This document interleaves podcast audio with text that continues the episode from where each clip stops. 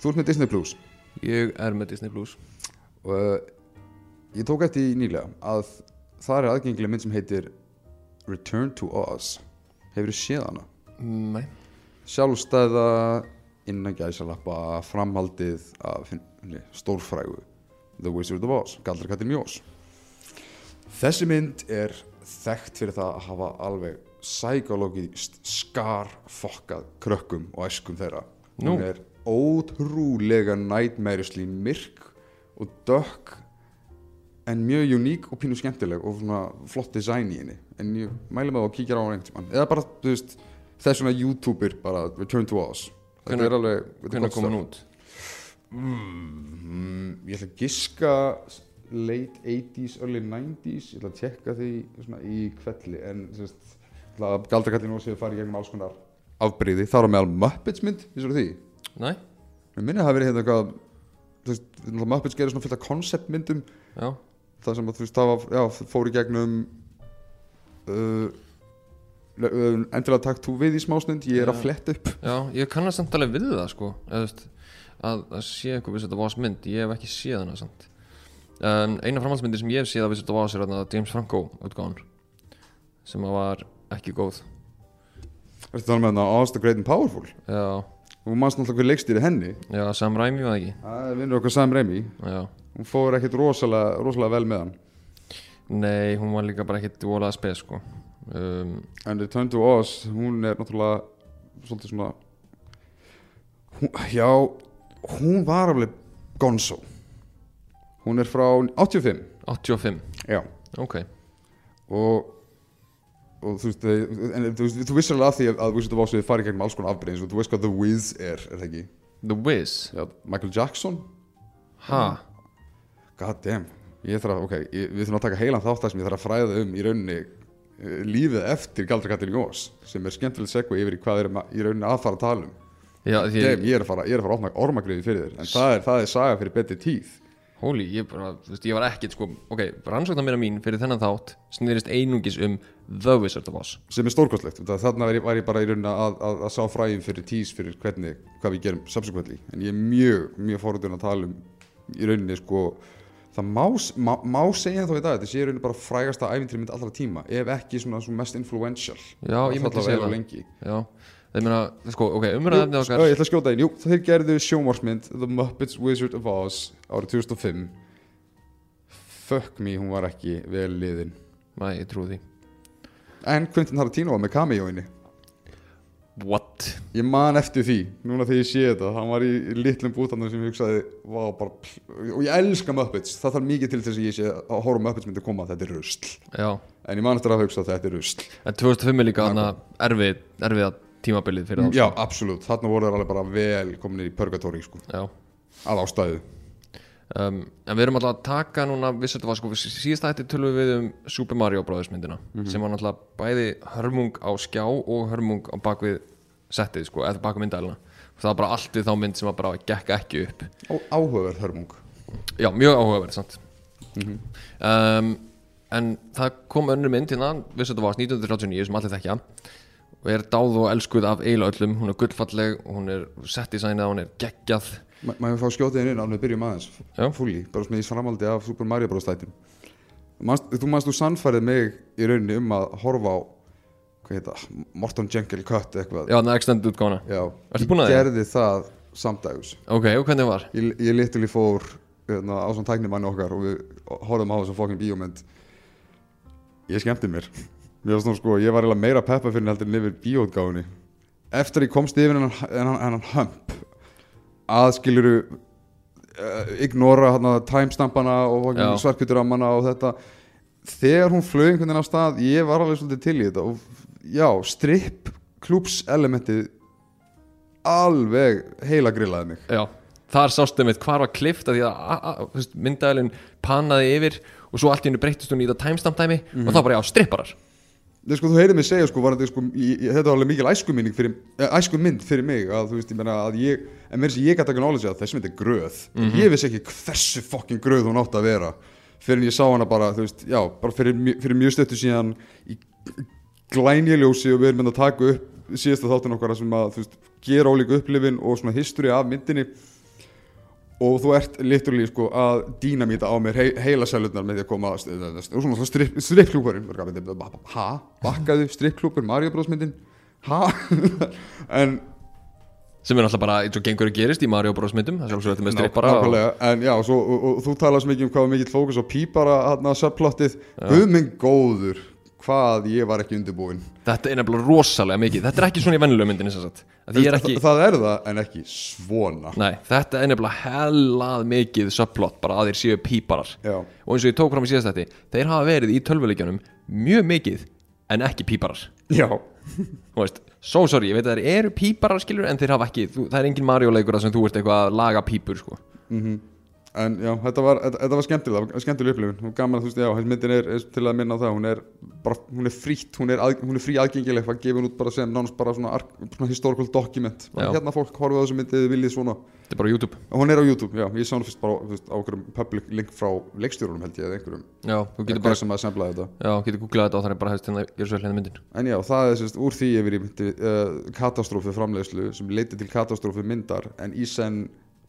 áhugaverðar kvöldmyndar yfir í að, annar, aðra katastrófi framleiðslu sem mótaði bara já, e- e- eitt me mest, mesta svona legend í kvikmyndasögunni. Já, má bara- eiginlega segja, svona ekki ósvipa því að margir myndi segja Star Wars gerði svo mörgum áratum síðar. Mm Mhm. það sem allt var, fór til fjandans á setti og allir fokkin vildu hrækja á framleiðsluna. Svo bara búm, réttu staður, rétti tími rétti andi, rétta magicið. En ég er einmitt ekkert rosalega kunnugur um Wizard of Oz baksöguna, bara til að vera ég en, en þetta er, þessi mynd er, var mér mjög kæri æsku þetta er eina með, eð, eð, alveg reglulega og þetta var eina uppáhaldsmyndum ömmu minnar. Og þú veist alveg frá mjög ungum aldrei mani hvað mér fannst það alltaf magnað að skilur svona leiðilega þurra hverstaslega lífið byrjar í skilur svona það sem ég held að það væri alltaf svartkvít en þetta er reyni sepia Já Og svo færist yfir í lit þegar að koma, þetta er mjög flott sko. Mjög flott. Það er eiginlega bara, svona, það er ennþá þannig í dag. Er það alveg frekar svona, wow, atriði Já. Þegar litunin kemur? Uh, að Því að ferðlið við að setja litina, ég fer aðeins meira í það á eftir. Það er náttúrulega rosalega mikið sko svo, svo ég sé ekki að skjóta inn meira fyrir, fyrir frásögnina þá vil ég, ég vil, ég vil kannski benda á það þegar það er einhver, einhver hluti sem ég hugsa að, það, sem ég, ég, það sem ég bæti við. Ég vissi eitthvað um þetta og við komum kannski á því svona as we go því að já, ég, það eru nokkur hlutir sérstaklega bara svona ef ég stikk á þetta sem tekjast dvergaleikurunum og ákveðinu svona abuse á setti sem ég er svona veikli kunnugur um en ég er rosalega fórhundin að vita hvernig anskotum var þessi mynd að myndinni sem að er The Wizard of Oz. Mhm. Ok, sko, svo er bara byrjum byrjunni, hún er framleitt 1939 það kemur út 1939 um, Tveimur árum undan, 1937 þá var Disney búin að gera fyrstu teiknumyndina sína í fullur lengt sem er Mjallkvít og Darkvæðin 7 Mhm. uh, Hún kostaði 1,47 miljón dollara en grætti 8 miljón dollara. Já. og var bara super, super, super hit. Big Monies en á, á, á 30s Já, þetta var, hún var með þess að tekið eftir mynd allra tíma þegar hún kom út. Um, og þá var alltaf að færa MGM þess að geggjuðu hugmynd af því eins og við höfum oft rætt í mörgum þáttum hjá okkur að þá er hérna basically stúdíun alltaf eldakonaran mm. Þannig að þeir fá þess að frábæra hugmynd að búa til kvikmynd í fullur lengd eftir annað ævintýri sem er þá Wizard of Oz. Og þeir kaupa réttin af Wizard of Oz fyrir 75.000 dólar á þessum tíma. MGM framleiti líka Gone with the Wind og þeir keftu réttin af henni fyrir 50.000 dólar Þessi fínt sko líka bæta í að, að jú, stúdíun er alltaf með þessu hugsun bara eitthvað, hei, wow, þetta geng, þess, þess, þessu gengur vel, við viljum eina svona og benda á þetta. Já, En stundum er líka bara eins og þarna, ég myndi segja að það sé bara systematíst jákvæða hlutur, þetta stundum þartu eina góða vöru einhverju til að aðri hugsi, hugsi holy shit, okkur gerum við ekki svona, mm -hmm. hendum peningum í æventrið mitt, auðvitað, gerum það bara vel. já, Þannig að stundum getur það líka haft jákvæða áhrif, svo lengi sem það er ekki bara eitthvað, gerum eitthvað svona og gefið mér svona. mhm. Þannig að þau greinlega, já, fóru svolítið svona í sitt spinn með þetta en þetta var hvatin sem þurfti til. Já, algjörlega. Og þarna líka bara, þú veist, eins og Gone with the Wind er einn stæðsta kveikmynd allra tíma. Já. En þeir borguðu meira fyrir réttina Wizard of Oz af að þeir hafðu sem miklu trú á þessu. Hún er líka einn mesta kvikmynd alltaf tíma, hefur hort á hana? Ég, ég hef aldrei lagt í hana. Ég bara ekki ennþá. Um, En hérna, ef við förum aðeins yfir kostnæðin Förum aðeins dýbra inn hann. Myndin kostaði 2,8 miljónir dólar á þeim tíma. Um, nánast, nánast alla myndir sem MGM hefði framleitt upp á því tímambili voru helmingi ódýrari. Þannig að þeir eru að setja rosa pening í þetta með verðbólgu, ef við tökum bara þess að 2,8 miljón dólara setjum hann bara verðbólguna og hvernig það væri 2021 þá væri hún á 58 miljón dólara en með við hvað myndir kosta í dag að þetta er bara pjúr verðbólgurekni vel, Já. þá erum við að horfa á svona 400 Það er nú ekki heldur best ekonomiska tímabil að í. Já, það var bara bullandi kreppa og allt í ruggli sko. um, En það þannig að þetta við erum að horfa á kannski 400 miljónar dólar production ef þetta hefur verið gert í dag. Algjörlega Bara svo fólk sé Sturla, það er í samingi það er bara eins og þú veist, það er, það er eiginlega ein og hálf avatar. Já, það er, já, þetta er svona já, einu Í hálf einni. avatar eða Infinity War Endgame combo. Já. Það er svona basically það sem við erum að tala um þetta mm Basically bara þú veist, hausar hefði fókið eða þetta hefði feilað. Um, Anywho. Áður en að MGM kefti réttinn að myndinni þá var búið að reyna að gera þetta tvisar Það var einu sinni hérna það var einu, eins útgáfa sem var bara útásútgáfa uh, hún var gerð 1908 og hún feilaði.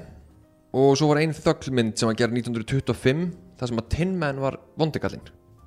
Áhugavert. Já, svo mynd var framleitt af, af fyrirtæki sem heit Chadwick Pictures og fyrirtækið fór á hausinn á meðan að myndin var í bíó. Whoops. Henni gekk það illa. Þannig að þetta skárra heldur en að fara á hausun og með myndi var í bígerð Já, hún allavega fekk úst, hún náði allavega að vera gefin út sko.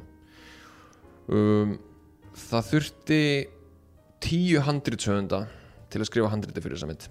Af því að það voru alltaf að koma nýjir og nýjir inn og það var, það bara, þetta gekk ekki og stuður að breyta þessu og að lokum þá voru þetta tíu manns sem að voru kreditar fyrir handriti Guð, þarna byrjaði þetta Veistu hversu margir komið að handritinu fyrir Sutropolopia okay. Sutropolis, Zootopia eða Sumania í Þýskalandi Manst eftir þessari mynd? Já, já, hún var mjög skemmtileg tölu, hvað er margir sem komið að handritinu að henni? með að við konið tætt og góð þá myndi ég halda að vera svona þrýr max Nákvæmlega, 11 What? Mhm. Vá hvað það er einstakt case mm -hmm. af því að hún er ógeðslega tætt Mhm. og hún er mjög góð alveg, Já, alveg klín og fín sko já. En já, allavega, já, þannig að það voru margir sem komið að þessu og það voru fimm leikstjórar Eða sem komið til greina eða sem að sem, að gerðu, mynd, sem gerðu myndina Wow það var ekki einn maður þetta var sagt Norman Torog, Richard Thorpe, George Cukor Viktor Fleming uh, sem að fekk að lokum bara kreditið Viktor Fleming er titlaður sem leikstjóra myndarinnar Mhm. og gæði sem heitir King Vítor Málega bara Viktor Fleming hafa dregin úr myndinni Mhm. þegar hún var svona hálnuð til að fara að vinna í Gone with the Wind Ah. og svo kom hann aftur Wow, hæ? MGM var bara eitthvað, þú veist, við ætlum bara nota ykkur öll Já, hérna. bara rótirandi Já. bara og heil Caesar Heyrðu, en að fara þetta sett í, í tvo daga fara svo Já. hingað. Þetta er bara eins og, eins og sért á okkur vinnustað bara, heyrðu, hérna, ert þú á kassan en að fara núna Þetta hérna er nákvæmlega þannig, já. Sástu ekki heil Caesar? Sem dílaði mitt við svona gullaldar fucking set dýnamík fucking æðislega, maður ekki, fengið þarna Alden Ehrenreichs, bara svona, heyrðu, en að fara í búningadrama þarna bara í, hérna, í smástund, bara prófa þetta. Já, Þannig að já, oh, djús, djús stemning Menk kom svolítið inn með þennan fíleik líka En allavega, þannig að já, ok, Viktor Fleming átt og væntalega titlaði bara, þú veist, út af einhverjum svona gildreglum. Já hann leikstýrði meiri hlutana myndinni þannig að hérna hann fekk sól credit fyrir leikstjórn. En King Vítor leikstýrði alveg helling öðru sko. King, Uh, King Vítor. Ég veit ekki, alveg gæn heitir þetta bara. King Vítor. King Vidor Ok, uh, en smá svona, þú veist, um myndina margir halda að Oz hafi verið fyrsta litamyndin en hún var það ekki. Nei, nei, hún var það ekki þetta er mjög, mjög algengum miskilingur Er það, er það bara út af því að hún transitionar yfir? hún var eiginlega það er eiginlega ástæðan fyrir því er að hún er fyrsta myndin sem að síndi fram á að litir bæta upplifuna. Já, og hún alltaf gerir það náttúrulega að sjálfsögðu með þessu transitioni og hvernig hún er tekinu upp. Mikil litagleði líka. Já, en Technicolor var búið að framleiða litamyndir alveg frá 1917 sko. En vandamálið er eins og þú veist segja millir 1914 og 45 þá voru tvær heimstyraldir og það var ekki til mikil peningur. Þannig að Big Studio bíómyndir voru almennt ekkit uh, gerðar í lit af því að veist það var engin tilgangur þetta var bara peningaðisla. Mhm. uh, og myndaðalunar kröðust þess líka að það væri rosalega, rosalega mikil lýsing á settinu. Jöp. og MGM eitti um 250.000 dólarum í rámaskostnað og þetta er ekki, ég er ekki búin að verðbólgu þetta sko, þetta er 250.000 Bara dólarar þessa framleyslu Já, Vá, og þetta er bara á þeim tíma. Og þú veist, við erum að tala um það í dag. Alltaf lett í springandi perum.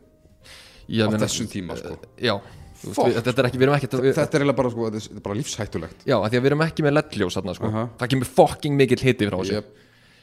Ok. Peningur, ok, mikill peningur, mikill mannskapur Þetta er að gerast. Mhm.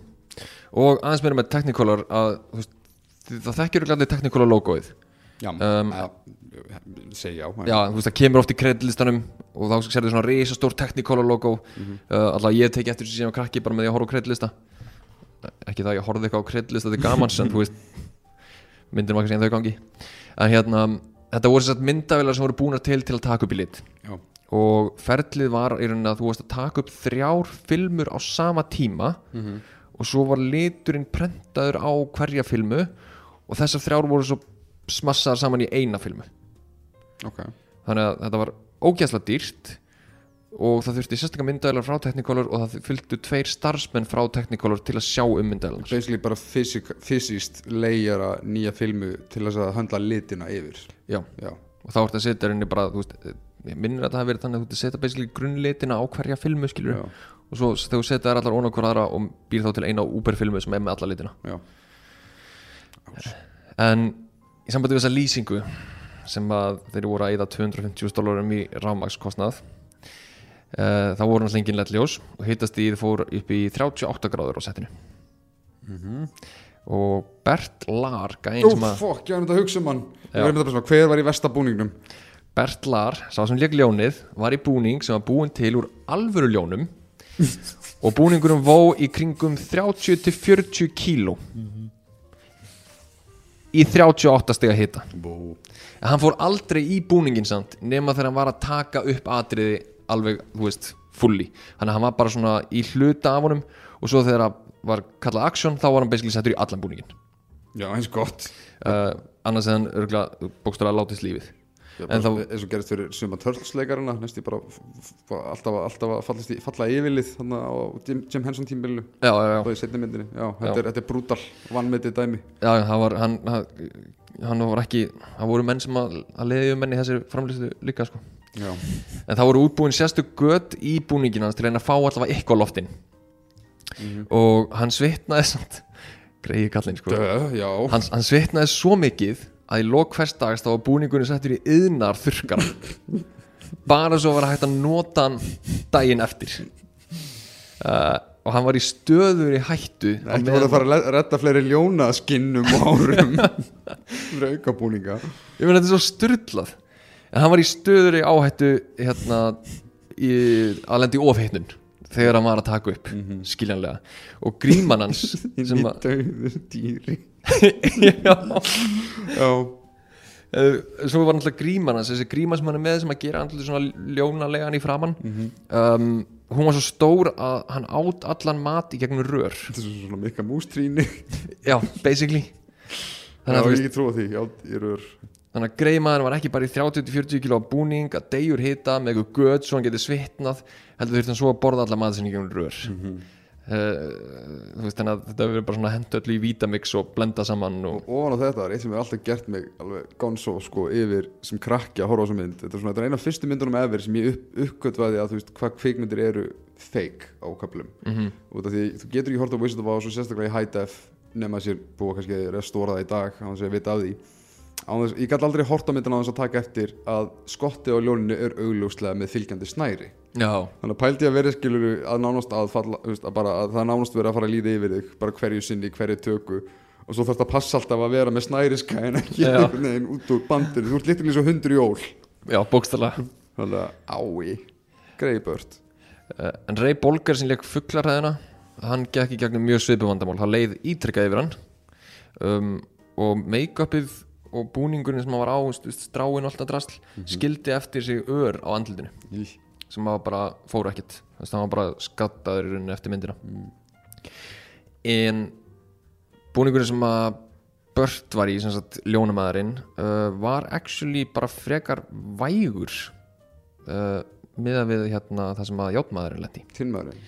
Já, eða Tin, tin ég, ég, ég var að, skí, ég var að hérna, þýða alla gæjana þegar ég var að undirbúa þetta. Já, og mér fannst ég, leið svo illa við að gera það. Tinn tinnmann, já. Af því að þetta er svo, veist, er hann játmaðurinn, er hann álmaðurinn? Þetta er auðvitað ekki játmaðurinn í dag, samkvæmt höfundar réttarlegum nei, auðvitað ekki, það alls ekki. Hann má Hann ekki er vera ekki stál, þetta er með svona ál. Já, þetta er bara ál, sko, hann er bara tinn. Þetta er bara, eða eitthvað, ég veit það ekki, ég ætla að þýtta bara sem er Dósamaðurinn, dósamaðurinn, dósamaðurinn rétt það er orð. gott. Það er rétt. En hérna Buddy Epson leikur og söngvari var upprunalega ráðin til að leika fuglarhæðina en hann krafðist þess að vera Tin Man af því að hann var með söng og danshæfi líka. Uh, svo þegar sorry, það er hljómar ógeðslega asnalega. Eða svona, bara svona við fyrstu, þess að hann ein- ertu að einhver hafi verið hann hafi verið í símanum bara, ég er reyndur söngur og dansari og ég vil hlutverkið sem er mest physically restricting með því að vera dósamaðurinn. Já. ok, ok, það skil ég. Hann bara, hann vildi sína hvað hann gat að minnst ljón er í náttfötum skilur og þetta fugglarhæðin er allavega í léttum klæðinaði en þú, þú ert dósamaðurinn, þú ert skilur þú ert í dósum, þú ert, þú ert með já, bara búkurinn, lærin en ok, challenge já, já, ég meina hann var til í þetta. Hann var til í þetta. En sko því miður uh, af því að þegar tökust hófur þá var hérna álduft sem er bæði eitrað uh, dusta framan í hann af því að það var ekki hægt að mála hann já, með já. áli þannig að þeir settu bara álduft framan í hann. Jep. og hann fekk alvarlega ónumisviðbröð um, en það trúð honum enginn að hann væri að fá ónumiskast og honum var skipað í að halda áfram að leika. En þegar læknir á Settu stað bara meira duft í hann. Bókstaflega, það, Þetta það voru bara viðbröðin Þetta er eins og Rest Development senan þegar, þegar Bluth Senior faldi sig í Blue Man Group og Já. svo byrjaði hann að kapna en það sáði enginn út að hann var partur af Blue Man Group En svo sá læknir á staðinum hann og var bara, þú veist, heyrðu, shit og hann var flýtt upp á spítala var í mjög alvarlegu ástandi. Augljóslega, hann vil enginn trú honum hann er bara beðin með harkið af sér. Já, hann er bókstala við nánastu döðanstýr eins gott að hafa læknir á staðnum. En svo sko, plottvist álduftið var ekki bara ekki vonum ónustuðbröð heldur var að búið að fylla lungun hans. Maður. Ég- þannig að hann var með hérna öndunarverleika út all lífið sitt. Og þú veist, surprise uh, hún var skipt út og aðrið hans voru tekin upp með nýjum leikara sem heitir Jack Haley. Mhm. og hann er tinn menn í myndinni. Og það var ákveð að nota ekki álduftið á Jack heldur eitthvað svona álkrem sem gaf honum reyndar auksíkingu og tökunum var frestað í nokkra daga á meðan hann jafnaði sig á auksíkingunni uh, en svo náttúrulega tók hann bara við hlutverkinu og hann lísti basically upplunni sinni við gerð myndarinnar sem bara hrylling. Búningurinn sem hann var í, hann var náttúrulega veist Jack þá? já, Jack. Og einhver staðar er gamli orginaleikarin bara eitthvað hryllingur, motherfucker. Já, hann bara- myndir þín var alltaf vinsæl. Já, shit, auðmingja, svo gæði maður. Hann er bara gaur, ég er með öndunarverleika út lífið mitt og ég er ekki einu sinni í fokkin oh myndinni my god. Velgengnin er bara trigger og eftir trigger. Uh, en eins og varst að segja, búningurinn alltaf gerður úr áli Mhm. þannig að hann gæti ekki byggt lappinnar almennilega sem því að hann gæti aldrei sest niður við erum að tala um það að allar pásur sem hann tók voru standandi Mhm. og það var smíðaður sérstakur svona veggur fyrir hann sem hann svona hallaði sér upp að og gæti svona smá kvilt sig. Að því að þú veist, eina leiðin fyrir hann til að setjast var að fara öllum búningnum og það var ekki bóði ég, ég trú ekki að sé spyrja en hvernig fór hún á klósettið? Það, ég, ég, ég held að það sé bara ekki eins og það var bara ekki, var, var bara ekki, einu sinni- það var bara ekki möguleikir er Michelle Pfeiffer hérna í, í fokkin skintætt hérna öndunar erfiðleika leðrunni í Batman Returns Mhm. það var bara eitthvað, já, sorry, þetta er bara svona eins og sé að vera vakuumplastaði þú ert bara svona í 16 tíma. Já, shit maður. Þannig að já, til, til maðurinn ái, um, Vestibúningurinn samt var klálega fyrir hérna, hjá henni Margaret Hamilton. Nó- norninni? Já. Sem að leik sem sagt The Wicked Witch of the West. Og ég fann réttu hérna ég fann réttu þýðingun á því nafni. Veitu uh, hver helst það þingi væri? Bara, illa nornin í vesturinn eða eitthvað já, eitthvað hann bara svona vonda nornin af vestri eða eitthvað. Já, ok, en hún heitir vonda vestan nornin. Áhugavert Mhm. ok, sem er minnst að þjálfna en græna málingin sem var notað á hana hún innihjalt kopar sem bæði vegi er eitrað og innbyrðara. Mhm. uh, en hún sem betur fyrir lenda ekki í því að fá það upp í hvað hannig að það þurfti að þrýfa það af með hreinu alkohóli í lók hversdags. Mhm. Sem hefði verið allt í lagi. Um, nema þegar að þau eru að taka upp atriðið það sem að hún hverfur svona í skí af reik og eld Já. í miður torginu. Jep. um, þá var það tekið upp í einu, einu skoti. Og það gekk mjög vel. Hlerinn sem er fyrir neðan sem hún dettur svona onni hann opnaðist og allt svona dót. Uh, en hvað, ég veit að ég, ég held að ég veit hvert þetta fyrir já, það var mjög töff, movie magic gekk upp, allir sáttir. Og leikstjórinn segir Victor Fleming þá segir uh, eitt skotið uppátt just for safety. Í því tilfelli þá virkaði hlerinn ekki og það kveiknaði öllum búningum hennar og kveiknaði í allri málingunni sem að leiti til þess að hún fekk brunasár á hendur og andlit. Og til að lækna brunasárin þá þurfti að sjálfsögða að fjarlæga málninguna og málningin var fjarlæga með áfengi á brunasár. Uh, og hún var í sex vikur upp á spítala en svo kom hún sem betur fyrir aftur í tökur og var ekki með varanleg, varanlegan skaða á húðin á sér en út myndina frá með þessu mómenti þá er hún alltaf í hönskum Mhm. af því að hún vildi ekki fá málningu á höndina sínar aftur hún er bara málaði framann og þessu hefni í því tilfelli að henni var ekki skipt út á þessum tíma, mér sex vikur er mikil tími í framleyslu tíma já, mjög, mjög mikil tími sko en hún neita að vinna aftur með eld og það átti eftir að taka upp atrið þar sem hún flýgur um á kústinum. Mhm. þannig að það var fengin inn bara svona stöndabúl fyrir hana og kústurinn var bara svona rör sem var tróðfullt af gasi og eld til að skapa bara svona, þú veist, reik og flug atmóði skilur, svo var það bara tekið upp en hún satt bara á, áhættuleikarinn satt bara á rörinu. Uh, rörið sprakk og áhættuleikarinn var í spítala í 11 daga. Og svo kona neitaði líka að vinna með eld nokkuð tíman aftur þannig að basically allir sem að fóru í búningin hjá Nordinni þeir, það kviknaði Þetta er pínu svona vandin við uh, ekki beint gullaldatíma Hollywood heldur svona vintage Hollywood þegar allt, allt var á svona experiment, experimentalisma stíi skilu, stúdíuar í svo þetta öryggin í fokki ímyndað hvað þurftu mörg fucked up slisa fordæmi til þess að við höfum regulationna sem við höfum í dag þetta er náttúrulega bara fokkin bara já, biohazard aðstæður sko en svo líka, sko, Margaret fjakk líka ekki að því að þetta er, svo segir, svona the golden age of Hollywood og það er mikil, þú veist, kallmennir eru aðalgæjarnir og þú veist, hey, Sissy, let's go make a movie svona dæmi, kallarni eða svona, sem maður ímyndið sér alltaf svona þykka marga framleiðandi með vindla og axlabönd. Já sem þýðir að, að kveikja í vindlalum með, svona, með, með seðlum. Já, basically. Uh, Játmaðurinn, Ljónið og hérna Fuglarhræðan fengu öll uh, búningsherbyggi uh, Margaret sem að leik hérna Nordnina, hún fekk tjald. Mm -hmm. þannig að hún fekk ekki að vera í sína einn herbyggi þá bara setja upp eitthvað lítið tjald fyrir hana og það var bara hennar dæmi. Og það var náttúrulega ekki hitað eða neitt. Þannig að þú veist það var ekki komið vola vel fram með hana á staðinum heldur sko. Uh, en það er mjög eftirminnilegt atriði í hérna, hérna þess að lappa inn í svona blómagarð veist það er svona þúsund blóm út um allt rauðu blómin. Já, mjög eftirminnilegt. Og ættu allir að muna eftir þess atriði. Og það byrjar að snjóa. En snjórin sem við setja myndaðalni er efni sem að heitir asbestos. Ó guð.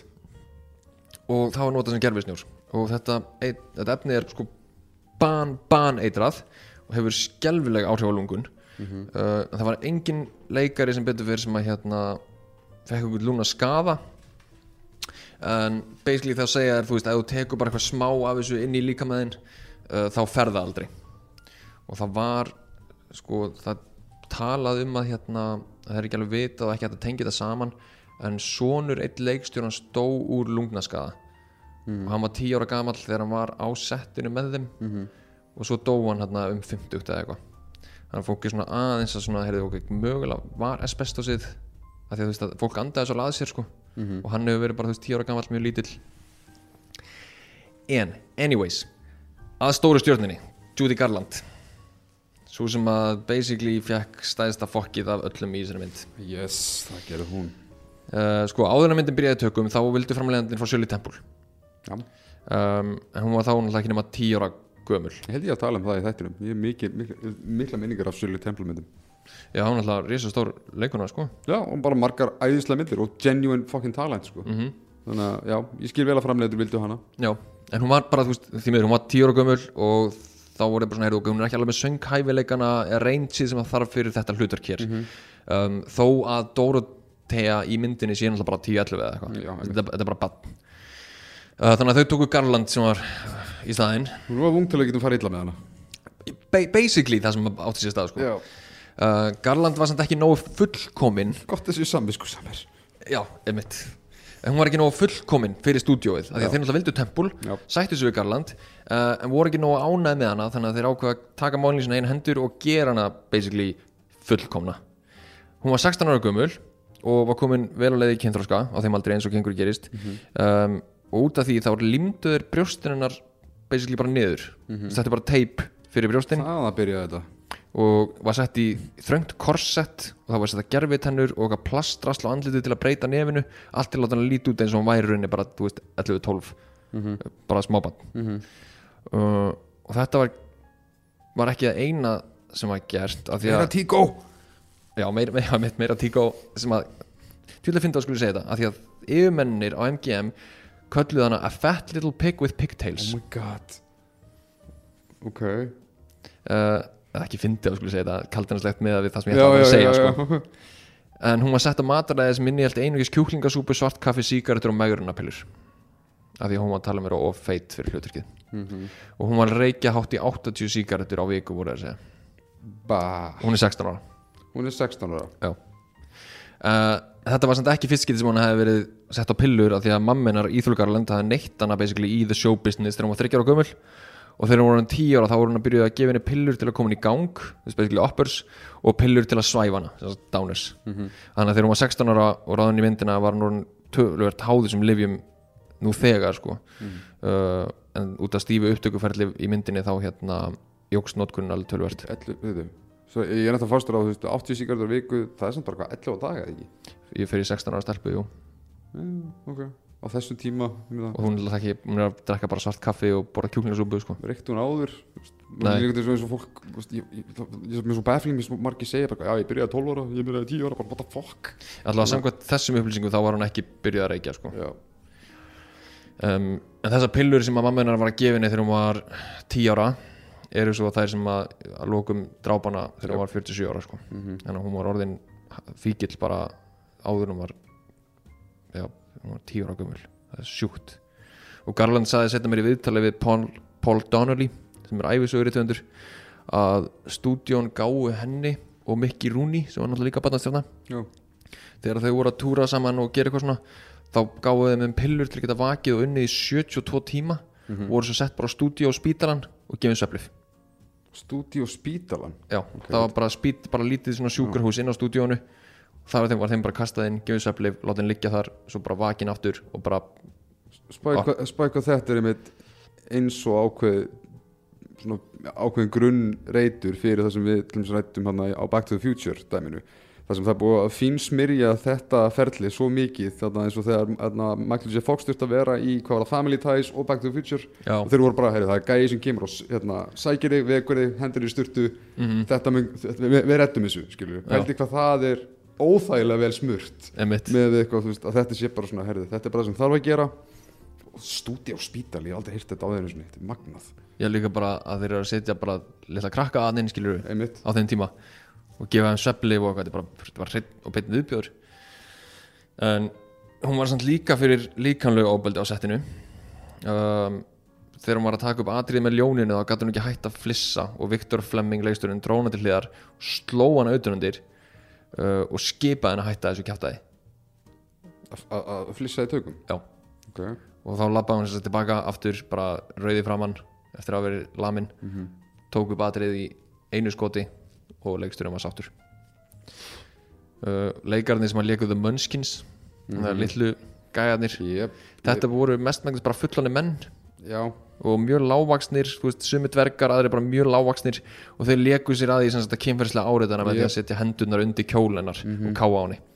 Að því að þú veist, það- þeir voru akkurat í þeirra hæð þar sem að þeir gáttu bara sniglast undir og, þetta var bara, bara haugur af dvergaperum. Já, og það var eins og sögur farið fram sko um hegðun þessara manna bæði á og utan setti. Orgiðan, já, meðal annars. Um, svo veit ég þetta af öllu? Veist, það, það ég þekki um mína dvergar orgiður þess að talað um að sko þetta, sumt af þessu gæti verið kjaftaði sumt af þessu gæti verið rétt veist, þetta er bara svona, þetta er meira svona rumor machine. Já, en á sama tíma þetta er svona hvernig myndi þetta ekki gerast? Nei, nákvæmlega, þetta er lof klikkað til að vera þú veist, þetta er svona stranger than fiction sko. Að þeir voru veist, basically blindfullir allan tíma sem þeir voru ekki vinni með rosalega orgjur á hótelunum að þeir gist allir á sama hóteli. Þeir voru með skotvopn á sér og nótaði eitulif og þeir voru alltaf að slást og svo var eini í búningadeldinni sem held að þetta væru ungir feimni strákar og var að hjálpa þeim að klæða sig. Þangað til hún sá mjög augljóslega að þetta voru fullóni kallmenn Þú veist, þeir voru bara í svona hegðun sko kemur það stað fram hvað hún sá þegar það var svo það auglúslega hún sá fullorðna kallmenn það, hún hefur gengið inn á einhver aðtöp þetta er eitthvað entourage Já, ég meina, hún, moment, sko. hún var að hjálpa þeim að fara úr fötunum, skilur Þannig að það var það sem að já, ég skil það sem hún sá það já, ok. Já, þá, það kom augnablik sem hún bara svona, heyrði, já, þú ert ekki fullan kallmaður, sé hún var ekki bara að klæða á í útifutt hún, hún bara, já, hvað það baða mig. Þeir voru bara sturlaðir þessi gæðir uh, En eins og ég var búin að segja, já, Galan dó náttúrulega 47 ára gömul vegna ofnæslu á pillum og þetta verður náttúrulega sömu pillur og, og hún voru hann háð við gerða myndarinnar. Um, Varandi kaup og kjör samt, þetta er dálítið aðeinsvæst Garland fekk 500 dólar á viku á meðan að Scarecrow og Tinman fengu 3000 dólar á viku. Hundurinn Toto fekk, fekk 120 dólar á viku en mönskinleikarnir fengu 60 dólar á viku. Ég meina Tóto er burðarleikari Já, þetta er stórt hlutverk En hérna ég skil alveg, það er væntalega verið að tala um proprietorinn á hundunum eða ekki Jú, jú, jú, eigandi hundarins ég, er stú, stúpid að mér segja, mér finnst það alveg fucking sangjart sko. Já, já, já, 100% sko En alltaf bara aðalega ósangjönd hvað Garland fekk lítið greitt að þeir já, fengu nei, það er ekki sangjart, ég, nú er ég bara að tala um Já, já, mannskinn, bara sko. hundin á mönskinni, já, því að mönskinir eru náttúrulega versus mannskinn Já, Garland var náttúrulega bara, þú veist, bara dikkuð allavegu Já, hundurinn er náttúrulega bara einn mönskinir eru svona 300, sko Mm. En, sko, þeir áttu að fá bara 3000 dólar á viku Tinman og Scarecrow og upptökuferðli áttu að vera bara 12 vikur. En það endaði að vera bara, þú veist bara miklu, miklu meira. Þannig að þeir fengu actually ógeðslega mikið borga fyrir þessa mynd á þeim tíma. En sko þráttur allt þetta og sagði Margaret sem að leik Wicked Witch að Garland hafi basically verið svo sem að held allir framlýslinni gangandi hún hafi alltaf verið brosandi og hafmyggisum og hún hafi í rauninni ekki þurft þessa pillur heldur hafi stúdíóið bara neitt pillunar ofan í hana. Mm -hmm. að þetta hefði verið hræðilegt að sjá hvernig hérna var verið að fara með hana. Új, sem er ógstlega styrlað en svo er þetta skemmtileg hérna myndin enda á því að floppa feitt.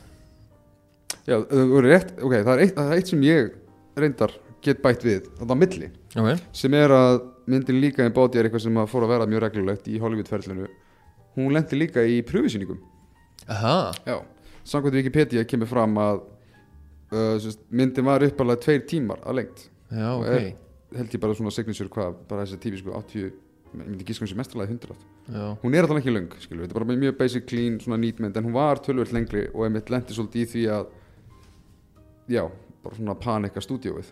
Mm. og var hann eitthvað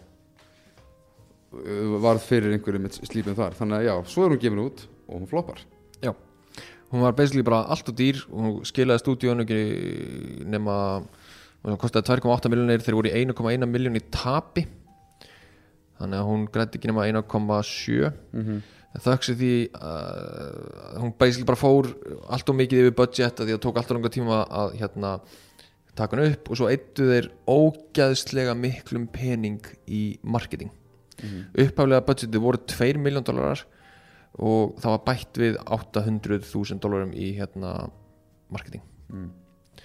og það var bara, þú veist, með að lesa lýsingunar á marketingu, það var þetta þannig sko að Wizard of Oz var bara út um allt Já. áður en hún kom út. Já, en samt náði hann ekki að græða náðu mikið pening. En hún hérna hún basically lendi í sko svipað og hérna uh, jólamyndin uh, It's a Wonderful Life. It's a Wonderful Life. Já.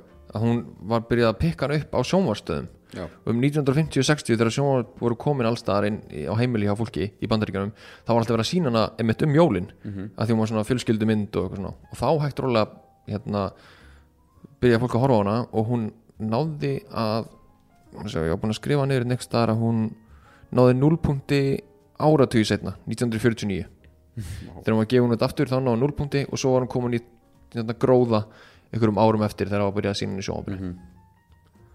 Já, þetta, þetta enn, enn fremur útskýra af hverju stúdíun eiga hægt að hugsa alltaf í þessar opnuna helgi. Stundum snýst bara um stað og tíma og það er ekkert allir sem að eitthvað er mögulega gert fyrir sem eru meðvitaður um ó, þetta er svo mikið fyrir mig, ég ætla að fara um leið og þetta kemur út. Mm og þú veist bara svona myndir finna sína hópa. Ég meina Byggli Báski er náttúrulega svolítið líka í, af, af okkar tíð mjög þekkt fyrir þetta skilur Já. sem er bara ef við hefum farað á hana glæni í bíó á, á þeim tíma við varum tveir á meðal kannski fimm annara í salnum skilur Mhm.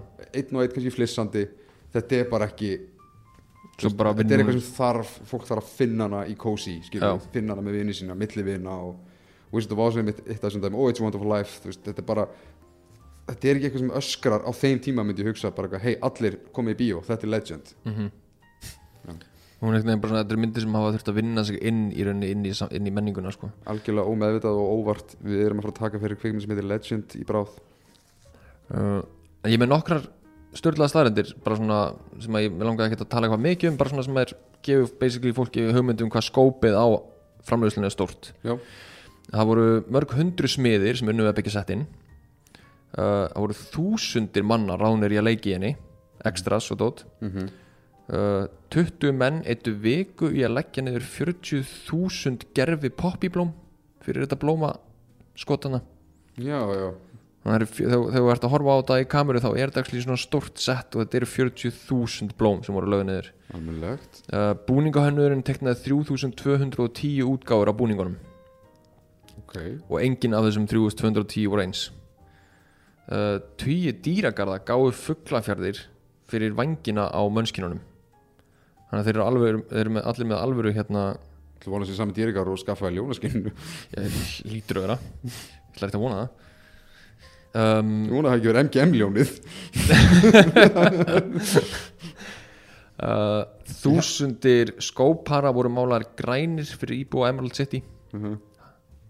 og það tók viku að finna rétta gula litin fyrir Yellow Brick Road. Nei, myndin er næstu í tveir tímar eða 1.52, hún var yfir tveir tímar þegar þið skrínuðu hana. Já, ok og að lókum það sem að er undirstrykjað allt þetta var staðista framleiðsla allra tíma árið 1939 já, eins og áðurinu kom fram.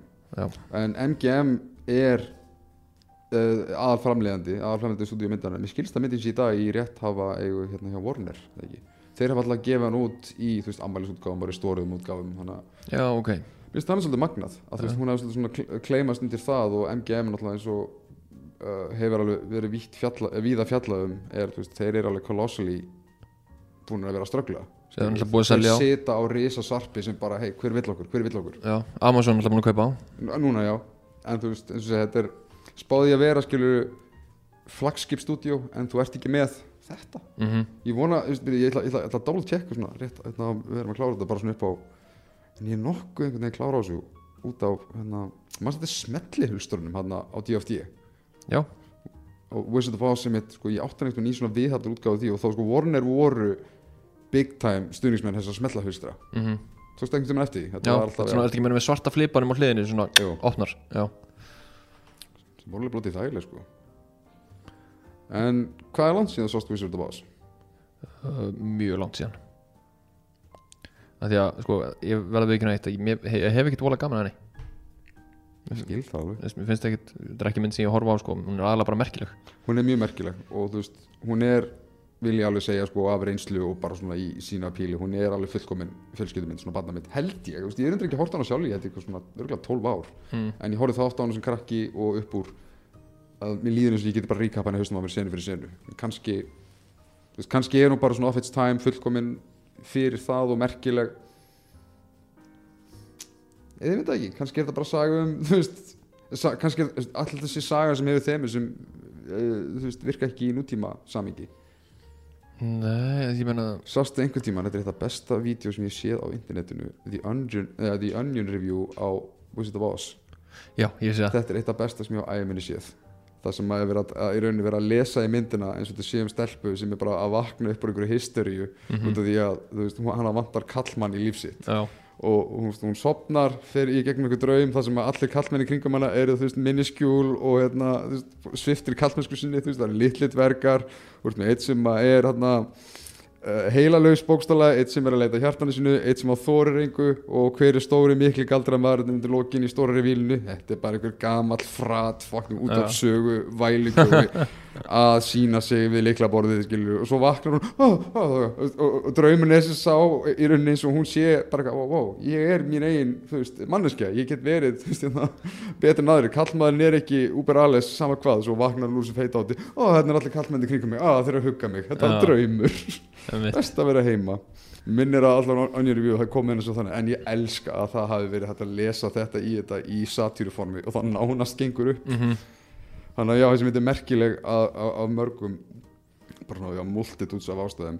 Já, ég meina, þú veist, ef að einhver hefur áhuga á kvikmyndasögu þá var þetta hug, 100% mynd sem að allir hægt að horfa á sko. En nei, þetta er vist Já, jú, jú, jú alveg heyrðu, ég það, Vá, já, Warner og MGM voru vist í mikilli laga, laga, lagabáratu yfir Wizard of Oz og hérna við fyrstu flettingu þá sérst, sigraði Warner Bros. á endanum árið 2011 Já, ok. Þannig að Amazon á ekki við þetta vas núna. Uh, Svo náttúrulega spurning Já, við náttúrulega svo uh, myndið sem kom inn á Ástu Great and Powerful frá 2013 frá Sam Raimi með gíslaði miskastum James Franco. Mm -hmm. reynda góðu skori frá Danny Elfman malta eftir því. En hún var Disney Er það ekki bara hún líka bara mjög Disney sko. Er það ekki bara því að sagan er public domain? Jú, hlýtur Mega að hver sem er gera uh, hérna, útgáfi eða vilja sko. Já, já útgáfi, já, for sure. Sem rétt, já. Nei, man, man nefnilega ekki nógu vel hversu vel hún var svona en greinuð eða tengd við nostalgíu fyrstu myndarinnar. En getur voru hann ekki verið það mjög mikið. Mm. Já, þannig að þetta voru magnaða staðrindir Næst verðum við taka fyrir Legend uh, Þið voru að hlusta á popkultúr. Ég heiti Tómas Valgjesson Ég heiti Sigrun Ingi Hilmarsson. Og við hvetjum ykkur öll til að bara uh, já, láti ykkur heyra hendi gott like þumal, eitthvað. Hvað gerir fólk á samfélagsmiðlum? Sniðugt.